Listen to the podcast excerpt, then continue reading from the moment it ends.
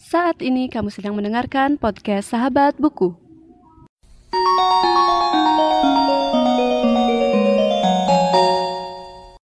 Halo semuanya dan selamat datang kembali di podcast Sahabat Buku.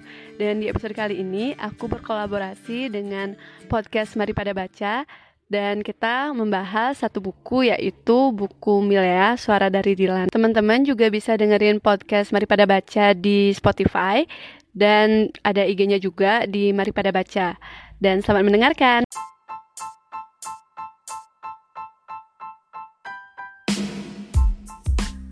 Halo Kak, Dengan siapa? Di mana? dengan Era di Bali. Eh, bisa apa namanya? Eh, oh ya Kak mau nanya dulu.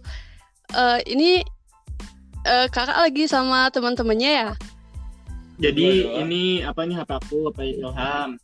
Nah, terus eh, yang rekaman di sini cuma berdua doang, aku sama Gondes. Salam kenal ya. Era. Salam kenal kakak. Iya, salam kenal juga. Oh ya, kita mulai aja ya Kak ya. Mulai apa nih? Oh langsung. Nggak mau ngobrol-ngobrol dulu. Ngobrol dulu aja kali biar kenal. Iya, itu maksudnya, tapi ada openingnya dikit. Oh, Oh iya, boleh. boleh boleh. Oke, em, halo semuanya. Eh, selamat datang kembali di podcast Sahabat Buku dan kali ini podcast Sahabat Buku lagi collab sama podcast Mari Pada Baca. Dan di sini aku udah ada eh, Kak Ilham sama temennya. Halo, kami dari podcast Mari, Mari Pada Pada Baca. Baca. Nama aku Ilham. Nama aku Gondes. Gondes.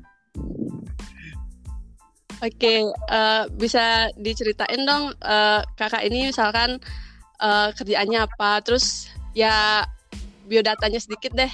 Hmm. Gondes, Gondes, boleh ngejelasin secara singkat Mari Pada Baca. Terus panggilnya. Aja. Ya, ini gue pakai aku apa gue sih? Terserah, terserah. Agak grogi nih. Aja, Kak, aja. Ah, Oke, mari berbaca. Kita mulai dari tahun 2019 ya, bulan Mei kalau nggak salah. Jadi udah setahun lebih. Kita berempat. Uh, dulu kita pas bikin podcast ini kita punya kesamaan sama-sama semuanya adalah mahasiswa Fakultas Psikologi di salah satu kampus di Ciputat. Nah, eh, kita sama-sama punya minat dan hobi baca buku dan akhirnya kita waktu itu memutuskan buat ngerekam percakapan-percakapan kita tentang buku. Terus jadi deh podcast Mari Pada Baca. Dan dari berempat yang baru lulus eh, aku doang, yang lain masih kuliah. Iya. Oke, terus eh, apa sih? Berarti yang melatar belakangi eh, terbentuknya podcast Mari Pada Baca itu karena memang teman eh, kakak sama teman-temannya kakak ini emang suka baca buku ya? Betul. Jadi kita satu kampus, satu fakultas, satu Satu organisasi, organisasi. Satu kesamaan minat yaitu sama-sama gandrung akan buku. Bahasanya. Terus eh, ya udah waktu itu kita ngobrol-ngobrol sih di Wakop ya kalau nggak salah. Iya, ada warkop namanya Tampomas di daerah Ciputat terkenal. Nah iya terus eh, waktu itu tercetuslah ide buat bikin podcast. Waktu itu belum booming-booming banget tuh podcast, malah banyak yang nggak tahu kan. Terus Iya, ya udah kita gas aja tuh waktu itu kan. Kalau kamu udah lama ya era bikin podcastnya? Enggak, kebetulan sama sih kayak kakak juga sekitar 2019 bulan Mei. Oh iya sama. Jadi ya kita seumuran sih podcastnya kak ya. Nggak ada yang senior nih berarti. Eh, kayaknya gitu sih. Eh, apa namanya? Terus kan eh, dari kakak pertama ini kan berempat. Siapa sih yang paling pertama kayak mungkin ngajakin gitu eh, teman-temannya untuk bareng-bareng nge-podcast gitu kak? Enggak, enggak, enggak. Boleh, Kita boleh. menganut paham kesetaraan. Jadi Ini Oh nggak ada, gitu. nggak ada satu orang yang bisa apa menyematkan dirinya sebagai CEO ya. Cuma ada kata juga. Kita berempat lah sama-sama menyuarakan untuk bikin ini. Oke, terus eh, kalau rekamannya tuh gimana sih kak sistemnya kalau berempat nih? Kalau rekamannya biasa satu HP berame-rame. Kayak gitu deh. Wah, Cuman pas waktu iya. pas waktu PSBB kemarin coba pakai Anchor kan bisa sekarang yang Kayak kita sekarang. ya kayak kita sekarang nih kamu di sana aku di sini. Pasti kita baik bercanda ya. Iya Jadi emang kalau konsep kita waktu itu kan berempat. Nah, kita tuh cari satu buku yang dibaca uh, minimal minimal berdua. Ada dua orang yang udah baca. Jadi dua orang nanya, dua orang yang jadi pencerita uh, pencerita. Kalau istilah kita kan pencerita dan Sama pemandu pemandu. ya. Pemandu adalah si moderatornya, penceritanya adalah si pematerinya. Hmm, Ngobrolin aja tuh nggak pakai kita nggak pernah pakai catatan sih ya, asal Awal- ngalir awal. ngalir aja sih. awalnya pakai catatan terus lama-lama apaan sih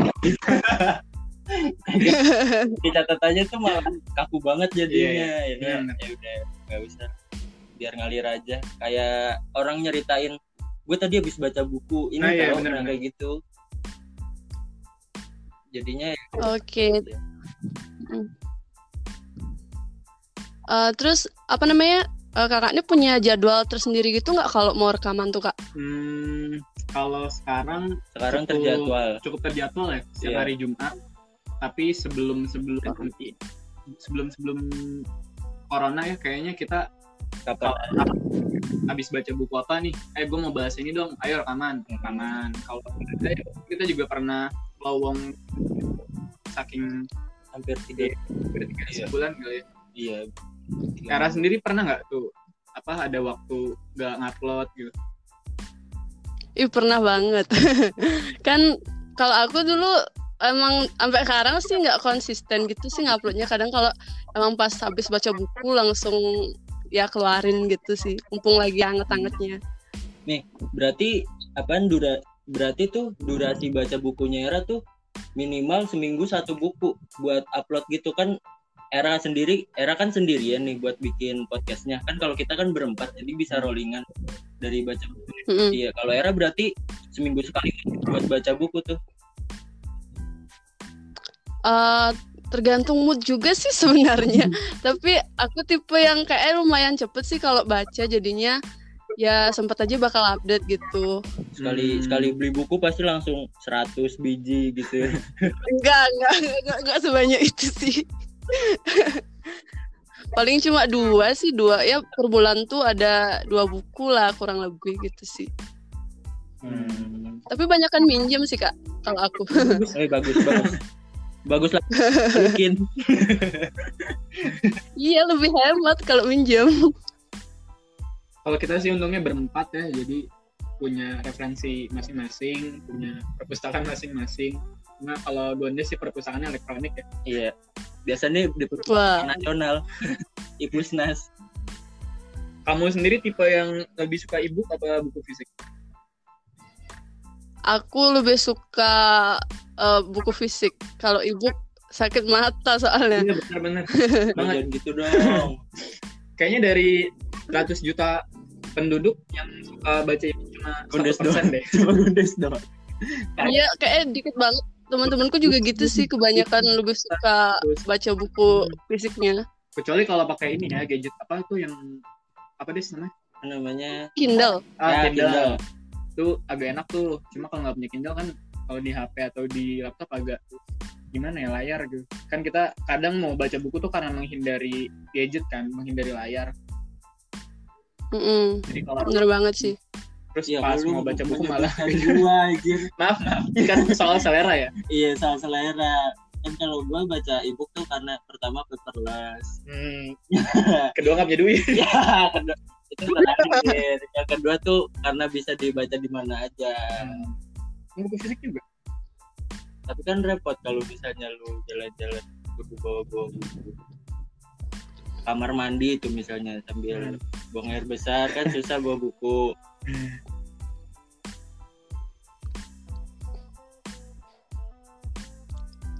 Halo? Iya, halo, halo. terus terus Ya kak, ceritanya gimana? Lanjutin.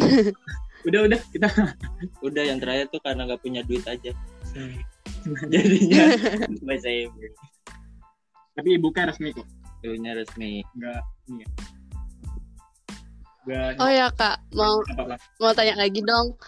Kan kakak nih berempat ya, terus eh, punya kayak tipe-tipe bacaan gitu nggak masing-masing dari kakak nih? Misalkan ada yang lebih suka Hmm. baca novel atau lebih suka baca buku apa gitu. Jadi kita berempat ya eh, satu gue dulu deh. Iya. Kalau gue sih lebih prefer ke novel ya, lebih ke fiksi. Dan gue suka biografi sih sebenarnya. Agak-agak kurang suka dengan buku self development. Kalau misalnya dua lagi personil Rega sama Kampleng namanya. Kalau Rega lebih ke sastra ya.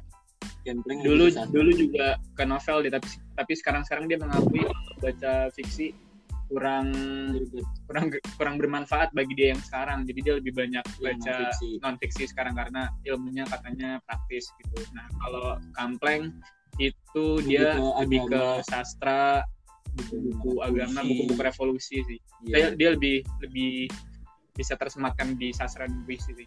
Kalau lu des, Kalau gue sekarang suka sama buku-buku klasik. Buku-buku klasik gitu. kayak kemarin ya siapa? Ya? Ya Dostoyevsky, Little Woman, sama John Steinbeck tuh yang baru baru gue baca tuh John Steinbeck. Mau nyoba baca-baca buku klasik lainnya juga sih. Kalau era sendiri apa tuh? Aku eh, dulu tuh suka suka baca novel kan, maksudnya lebih banyak baca novel. Tapi lama kelamaan kayaknya lebih suka yang non fiksi gitu sih. Hmm, Baru nyoba beberapa buku gitu. Hmm. Tapi gue lagi Eh, baca-baca buku psikologi juga, Pres. Oh iya, Biar nggak lupa aja. oh iya kita masih psikologi tapi jarang baca. Dari buku Psikologi. psikologi. Ini banget. eh, terus apa namanya? Aku mau nanya juga. Terus kakak nih eh, baca buku yang kayak buku bahasa Inggris gitu nggak? Kayak misalnya novel novel bahasa Inggris gitu. Jarang sih, jarang sih kita berempat dan Rega yang Oh, pernah Rega sih. Rega pernah. paling ini sih buku-buku ringannya kayak Adventure of Tom Sawyer Hmm. yang memang nggak nggak rumit gitu. Tapi jarang sih intensitasnya. Eh, terus kalau misalkan baca buku tuh kayak setiap hari tuh punya waktu tersendiri gitu nggak atau atau emang kayak pas mood aja? Hmm, kamu sendiri ya. Sebenarnya kadang kan sering sering banyak yang nanya ya gimana sih cara meningkatkan apa minat baca. minat baca gitu. Kalau suka baca buku. Iya, iya. kalau kalau saran aku sendiri ya nih pri- secara pribadi ya ke mana-mana tuh bawa buku karena kita tuh selalu punya gimana waktu kita nunggu ya nunggu Iya. seorang nunggu sesuatu nah itu tuh paling enak banget kalau kita di situ baca buku jadi sambil nungguin orang sambil baca buku karena kan ketika kita menunggu biasanya kita main HP ya main HP dan sebagainya nah mending ditaruh HP-nya terus baca buku nanti dari seminggu kita nu- itu nunggu berapa jam tau-tau udah selesai aja yang dibaca kalau gimana des? kalau gua Oke. dua hari biasanya setelah semua kegiatan sebelum tidur tuh. Hmm. Nah sebelum tidur biasanya mulai buka-buka buku, buka-buka Instagram kan pertamanya tuh apa ini membosankan orang pamer semua. Saya kan orang miskin. Akhirnya mau beralih ke beralih ke buku tuh. Hmm. Eh, Oke, terus eh, kakak nih punya nggak sih buku yang kayak paling berkesan gitu buat kayak gimana ya kayak berkesan banget gitu buat kakak-kakak nih? Gue dulu lah. Kalau gue yang baru tuh yang Dostoyevsky tuh yang Ah, paling Crime berkesan. Punishment Iya, ya. Crime and Punishment. Yang kedua sama yang terbaru tuh yang bukunya John Steinbeck Tikus dan Manusia itu mungkin Hmm. sesuatu yang berkesan ya. Kalau gua ada dua sih yang ada di top of mind. ya. Pertama Sapiensnya Harari, terus kedua buku Mahabharata. tuh. Itu dua buku yang kayaknya selalu akan gua kenang sebagai buku yang baik nih. Kalau Era buku terbaiknya apa? Eh, kalau aku sih eh, gimana ya kalau dibilang kok buku favorit tuh sebenarnya nggak punya soalnya kayak banyak buku yang bagus gitu Hmm. tapi yang kemarin aku baca bagus tuh ada satu buku yang eh, tentang hidup minimalis gitu soalnya Hmm. aku lagi Contohnya. kayak pengen nyoba hidup minimalis gitu kan judulnya eh, seni eh kok seni hidup Eh, hidup minimalis Hmm. ala orang Jepang karya Fumio Sasaki Ya, ya, yang itu baru kemarin aku selesai baca tuh Terus sekarang lagi ngetrennya orang-orang kaya yang menjadi miskin ya mencoba hidup minimal. boleh tuh nanti Bener. kita bahas tuh sebuah apa seni minimalis. iya boleh bisa. Iya. Terus eh, apa namanya? Kalau kakak tuh suka nggak sih baca buku yang misalnya nih baca satu buku terus ngikutin banget nggak misalnya kalau ada adaptasinya lewat film yang kayak gitu? Ehm, Kalau gue nggak ngikutin sih. Kalau misalnya kayak contohnya yang Bumi Manusia tuh kan udah ngikutin sampai part terakhir tuh sampai Rumah Kaca karyanya Pram kan. Terus ada filmnya. Cuman cuman kepo doang, cuman nggak pengen hmm, wah nih ada filmnya nih aku tertarik dan excited gitu nggak nggak sampai kayak gitu cuman kepo kayak gimana sih coba fil- kalau kalau di filmen kayak gimana gitu ya kalau gue sih kayaknya emang udah jadi rahasia umum ya ketika sebuah apa karya karya buku terus dialih wahanakan ke film kayaknya kebanyakan nggak nggak sesuai sama nggak sesuai ekspektasi. ekspektasi gitu. Jadi jarang sih. Yang waktu itu yang tadi contohnya bumi manusia juga gue penasaran sih sama antusias kalau di film ini gimana nih. Hmm. ternyata pas nonton juga nggak terlalu senang gitu. Lebih senang baca Oke. buku. Eh, terus kakak ini punya kayak penulis favorit gitu nggak? hmm ada lah. Lu siapa des kalau gue masih pram. Aku Iya. masih pram. Gue pram sama Eka. Eka Kurniawan. Eh iya Eka Kurniawan. Kalau luar siapa ya? Hmm, kalau luar belum. Soalnya belum masih sedikit baca buku luar. Siapa ya? Murakami mungkin ya. Haji Murakami. Iya, iya. Kalau era apa? Oke. Eh, kalau aku sih kemarin eh, penulis favorit tuh Dilestari gara-gara Hmm. bukunya yang Aroma Karsa Hmm, ya. tuh. Padahal nggak ngikutin Supernova sih sebenarnya, walaupun dibilang itu yang dibilang masterpiece-nya, tapi bukunya itu ngebuat aku kayak gimana ya kayak niat nulis gitu walaupun sih kayak masih nyubai banget Hmm. gitu sih. sampai kayak gitu ya Iya, di Lestari juga sih. Aku setuju favorit sekarang. Soalnya aku baca yang Supernova kan, baru baru yang paling pertama sih. Itu kayak banyak banget apa ya is- istilah pengetahuan pengetahuan yang anjir rumit banget gitu. Dan hidup gitu karyanya. Lagi yang Arma Karsa. Iya, keren banget sih. Hmm. Pokoknya tebel banget. Kayak capek banget sih bacanya pertama ya. mau meninggal. sampai leher patah Eh, kan kakak nih eh, suka baca buku. Kepikiran nggak sih kayak buat nulis buku gitu kak? Kalau Hmm. gue nggak belum belum belum kepikiran sih. Cuman paling kayak cerpen apa kayak artikel-artikel yang opini yang ada di kepala doang pengen Hmm. ditulisin gitu. Kalau buat novel yang panjang mungkin belum udah ada sih. Cuman kalau buat dilanjutin kayak novel kayaknya wah saya tidak punya skillnya. ya kalau menurut aku sih eh, ini tebakan aku sih kayaknya semua pembaca ya pasti pengen jadi penulis deh. Iya. kayaknya. Soalnya setelah kita baca terus kita tuh punya perspektif sendiri gitu yang pengen kita tuangin juga jadi sebuah karya. Cuma lagi-lagi kan eh, semua penulis juga berasal dari apa ya dari dari dari bawah dulu gitu dan nggak tiba-tiba jadi dia bisa nulis bagus itu kan. Nah aku sih sebenarnya juga ada keinginan buat buat ke sana mulai dari bikin-bikin blog atau misalnya eh, nulis di artikel mana gitu di media mana gitu Tapi terus gue ada saran kalau misalnya tulisannya jelek jangan ditulis tapi diketik. ya, maaf ya. ya. Lo keluarin joke Bali dong Eh, terus kakak nih ada punya kayak eh, tulisannya udah dipublikasi gitu nggak? Mungkin kayak blog atau eh, nulis di tempat kayak apa ya kak website gitu? Bisa dong diceritain kalau ada? ah enggak mah kita mah ini ya penulis-penulis pemula ya dan nggak terlalu mentereng gitu. Tapi kalau satu dua sih ada ya. Kalau aku dulu pernah nulis di Kureta sama di Geo Times.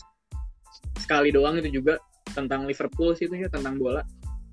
Terus sama tentang psikologi pernah di Kureta tentang Freud Kalau gue nulis Oh ya, kalau gue nulis nulis mentoknya Eh, lanjut dulu kak. di mentoknya di caption IG sama status FB. Iya, mantep tuh pakai latihan aku juga sering gitu sih sebenarnya. Iya.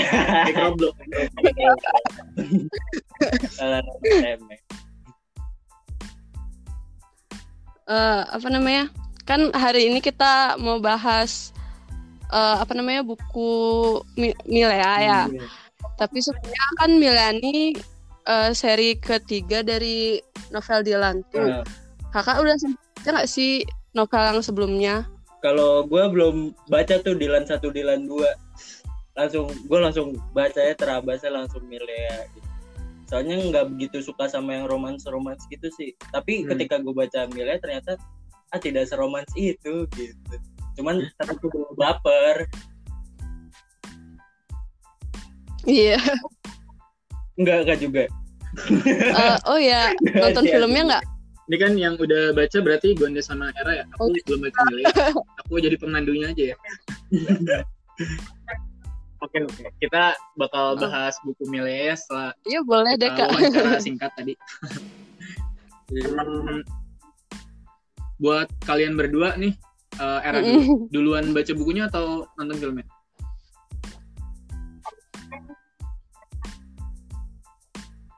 Hmm, Aku gimana baca tuh bukunya dulu. dari film dan buku?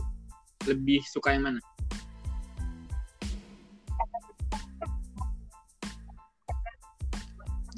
Eh, kan aku Hmm. pertamanya eh, tahu novel Dylan ini dari temanku kan. Dia tuh kayak excited gitu kan baru beli novel gitu. Ya aku baru, baru beli novel gitu nunjukin kan waktu itu aku kelas 12. Terus temanku cerita kan, ini novelnya bagus banget lo baca baca gitu dia bilang. Terus aku kan kayak nggak excited gitu. Aku aku lihat kalau orang terlalu excited Jadi- sama buku, aku jadi nggak suka sebenarnya. ya, apaan? Nggak tahu kenapa. kayak, mas ini baru meninggal tau mas Terlalu menggebu-gebu gitu jadi Hmm. Ya, Iya gitu dah. Kan kayak mau menggebu-gebu Hmm. gitu. Terus aku kayak ya apaan sih gitu kayak risih sendiri gitu kan awalnya. Abis itu aku kan sempat kayak ke toko buku. Terus kan kayak di eh, buku apa namanya? Buku Dilan tuh dipajang di depan gara-gara waktu itu kayaknya film Dilan baru tayang perdana gitu ya aku lupa sih sebenarnya. Abis itu aku kayak iseng gitu kan ah beli aja deh kayaknya seru deh kalau baca ini gitu.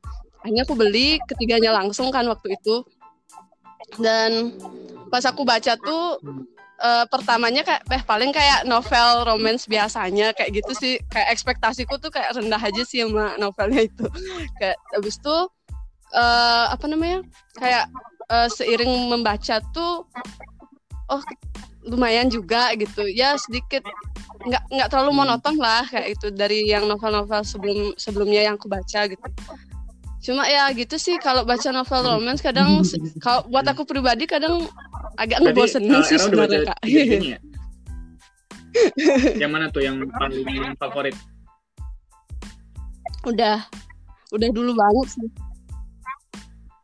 kalau yang favorit tuh sebenarnya eh, yang ini sih yang yang kedua soalnya konfliknya lebih lebih ngena dibanding yang satu sama tiga Hmm. kayak yang satu tuh baru mau baru kayak ya lagi manis-manisnya oh, yang gitu meninggal ya yang konflik bener-bener tuh yang di buku keduanya oh iya Nah ini buat buat Gondes nih. ya yang Eh, temennya kan meninggal terus mereka putus kedua nih. itulah Apakah itu menjadi sebuah masalah ketika ada orang yang pengen lengkap langsung ketiga? Eh kalau menurut gua ada sedikit permasalahannya ke kayak pengenalan ke, ke pengenalan tokohnya soalnya Hmm. tuh di buku Dilan satu Dilan dua eh di Dilan satu tuh benar-benar kayak ngedeskripsiin dia tuh siapa dia tuh siapa gitu.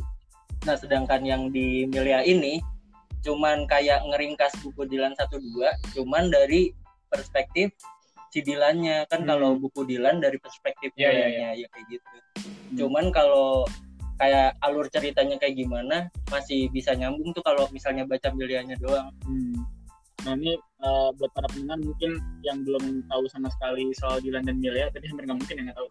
Nah, eh, boleh Era buat dikenalin dulu mungkin tokoh-tokoh yang ada di novel ini tuh sama latar latar ceritanya kapan terus secara singkat tuh nih menceritakan tentang apa sih buku Milea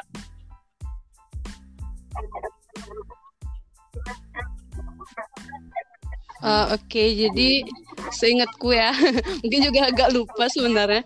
Eh, kan novel Dylan ini uh, bercerita tentang uh, dua orang kekasih gitu ya, dua orang yang pacaran. Dari si Dilan ini kan yang cowoknya itu kayak dari dia ngejar Milea gitu. Milea ini murid baru gitu kan dari Jakarta gitu seingatku. Terus itu settingnya tahun uh, 1990 di Bandung. Nanti konfliknya tuh kayak Dilan tuh kan anak geng motor gitu.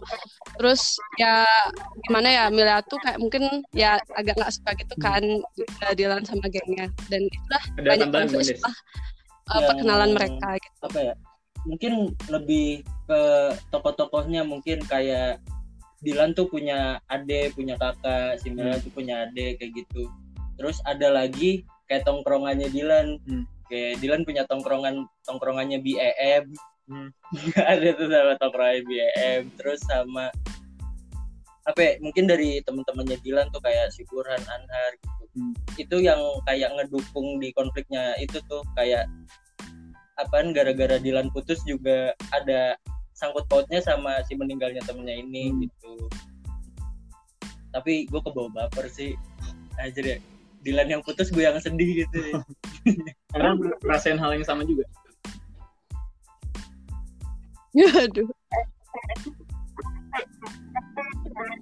Uh, kalau aku sih yang di di buku kedua hmm. tuh emang nyes banget sih. Soalnya aku kan nggak baca daftar isi itu terus tiba-tiba putus gitu. Emang beneran putus dong kayak nggak nyangka sih jadinya. Itu sih yang paling kena kalau buat aku di, di kayaknya ada ketambahan cerita ya Iya. Uh, ya yang nggak diceritain sama Mila ya di buku di sebelumnya magang, itu uh. diceritain nggak di buku kedua magang dibayar nggak dibayar cuma setengah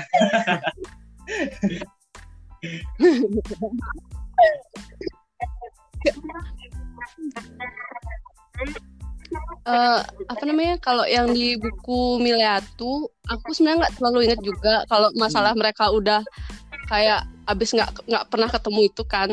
Tapi yang aku agak-agak sama novel yang ketiga itu yang Milani adalah uh, gimana ya kayak kan uh, ada beberapa bagian yang aku lihat kayak Dilan tuh nyari pembenaran gitu kan. Kayak dia bilang e, aku masih remaja bla bla bla yang kayak gitu-gitu. Jadi kayak mungkin sama-sama keras kepala sih sebenarnya si Milia sama sama Dilan itu gitu.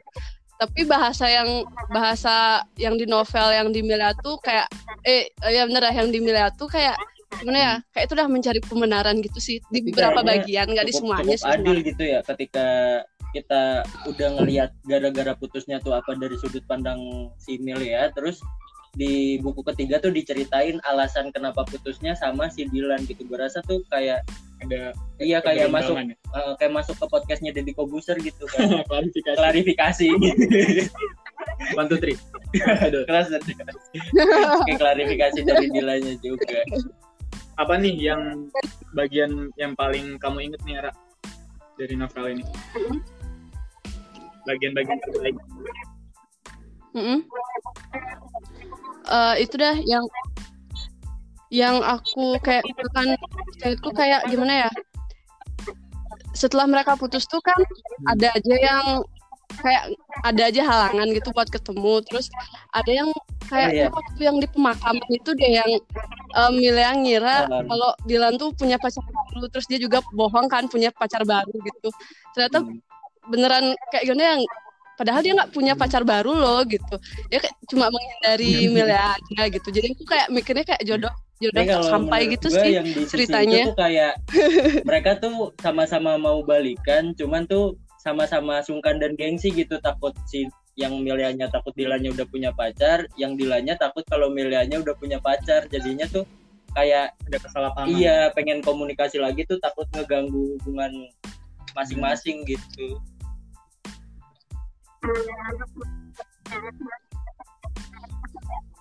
Iya bener sih kayak hmm. gengsinya juga kayak kelihatan gitu sih antara oh, Milia sama Dylan gitu. Gue mau malah inget yang receh-recehnya, Pres. Sumpah kayak bercandaan di tongkrongannya gitu. Kan lagi di tongkrongan nih sama temennya gitu. Ngapa tuh orang-orang tuh masa geng motor harus dibubarin? Aturan bubarin tuh kelompok-kelompok koruptor gitu.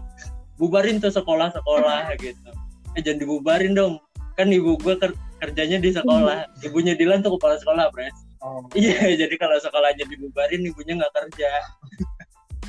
Kayak gitu hal-hal yang receh-receh gitu. Yang di tongkrongan sih gue malah kenanya tuh kayak si Dilanya tuh benar-benar solid banget sama temen-temennya. Sampai dia tuh diputusin gara-gara pengen balas dendam balas dendam si temennya yang meninggal itu kan Hmm. sampai ketangkep polisi ketahuan sama bapaknya. Kalau gue sempat nonton sih dulu film yang paling pertama. Kebetulan waktu itu lagi hype banget kan. Iya. Waktu itu siapa pacar gue? udah lupa Ingat, ingat. Ingat, ingat. cuma kalau disebut sekarang nanti masalah. 2018 ya. Berarti 2018 ya waktu itu. iya oh gue tahu berarti Terus sekarang udah yang ketiga ya. Dan film film Dylan Mila tuh selalu jadi peraih ini ya. Apa penonton terbanyak gak sih? Maksud gue sebegitu hebatnya gitu karyanya Pidi Baik sampai diadaptasi film dan menjadi salah satu film terpopuler gitu di Indonesia. dan bukunya juga pernah jadi buku apa bestseller Iya, iya. si Dylan yang pertama itu Eh, kayaknya kita udah sampai di penghujung episode ya. Ada lagi nggak era yang belum kita sampaikan di dalam buku ini yang mau kamu sampaikan?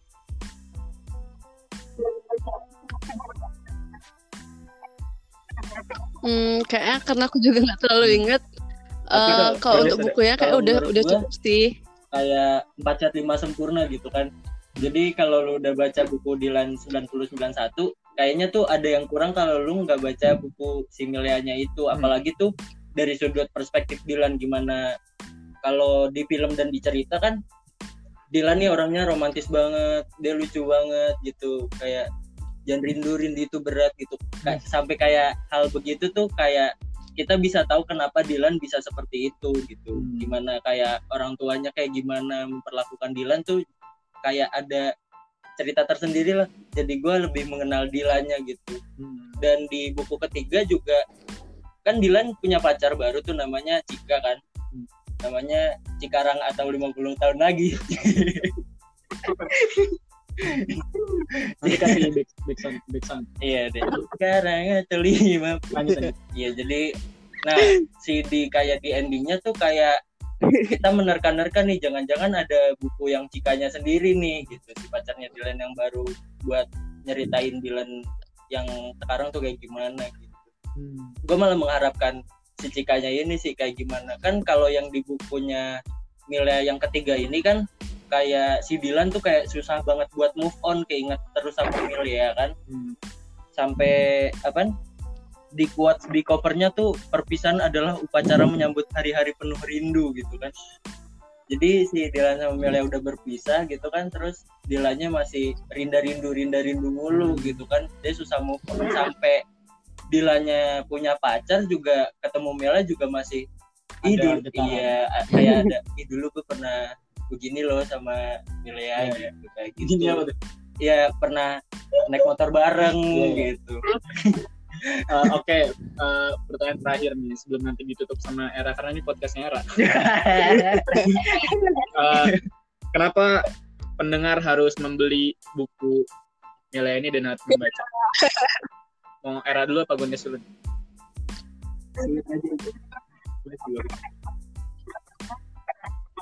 Gue Des? harus sweet dulu. Hmm, kakak Ed dulu deh. Nanti aku kalau ada ingat lagi Kalau gua- bahas deh. apa ya? Kan kayak yang di buku buku Dilan 1 dan 2 itu kan ada yang kurang soalnya menceritakan dari tahun 90 sama 91 doang. Nah sedangkan yang di buku Melia ini tuh kayak ada setelah 91 nya kayak Dilan udah jadi mahasiswa kayak gitu. Dilan udah magang segala macam yang itu tuh nggak ada di buku sebelum-sebelumnya. Dan itu tuh gua rasa jadi cerita tersendiri gitu gimana Dilan setelah apa pra SMA gitu. Pra Hmm. SMA tuh kayak gue mengharapkan gimana sih nih? Kan kalau dulu kan cintanya yang kalau gue ngelihatnya tuh kayak menye-menye banget gitu kok kok gini banget sih orang pacaran gitu. Perasaan gue nggak gitu-gitu amat gitu hmm. gitu kan. Ketika ketika itu gue mengharapkan gimana nih kalau Dilan pacaran di dewasa awal gitu. Uh. ya gue mengharapkan kayak gitu. Apa masih menye-menye apa enggak gitu. oke terakhir karena sekalian gue singkat.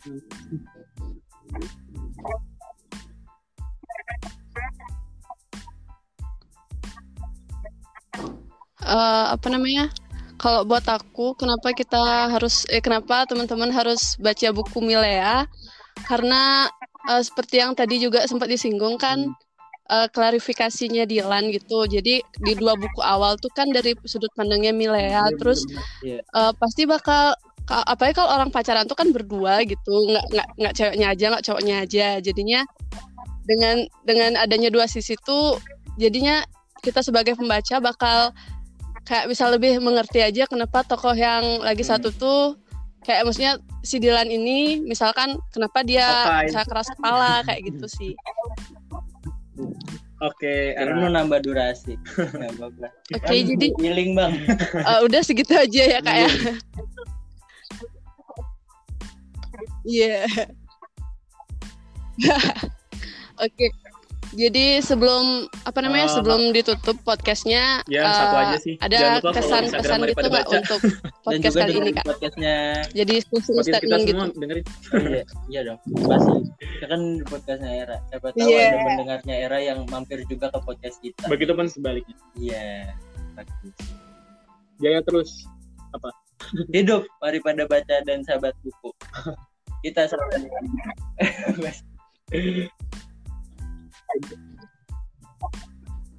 Yeah.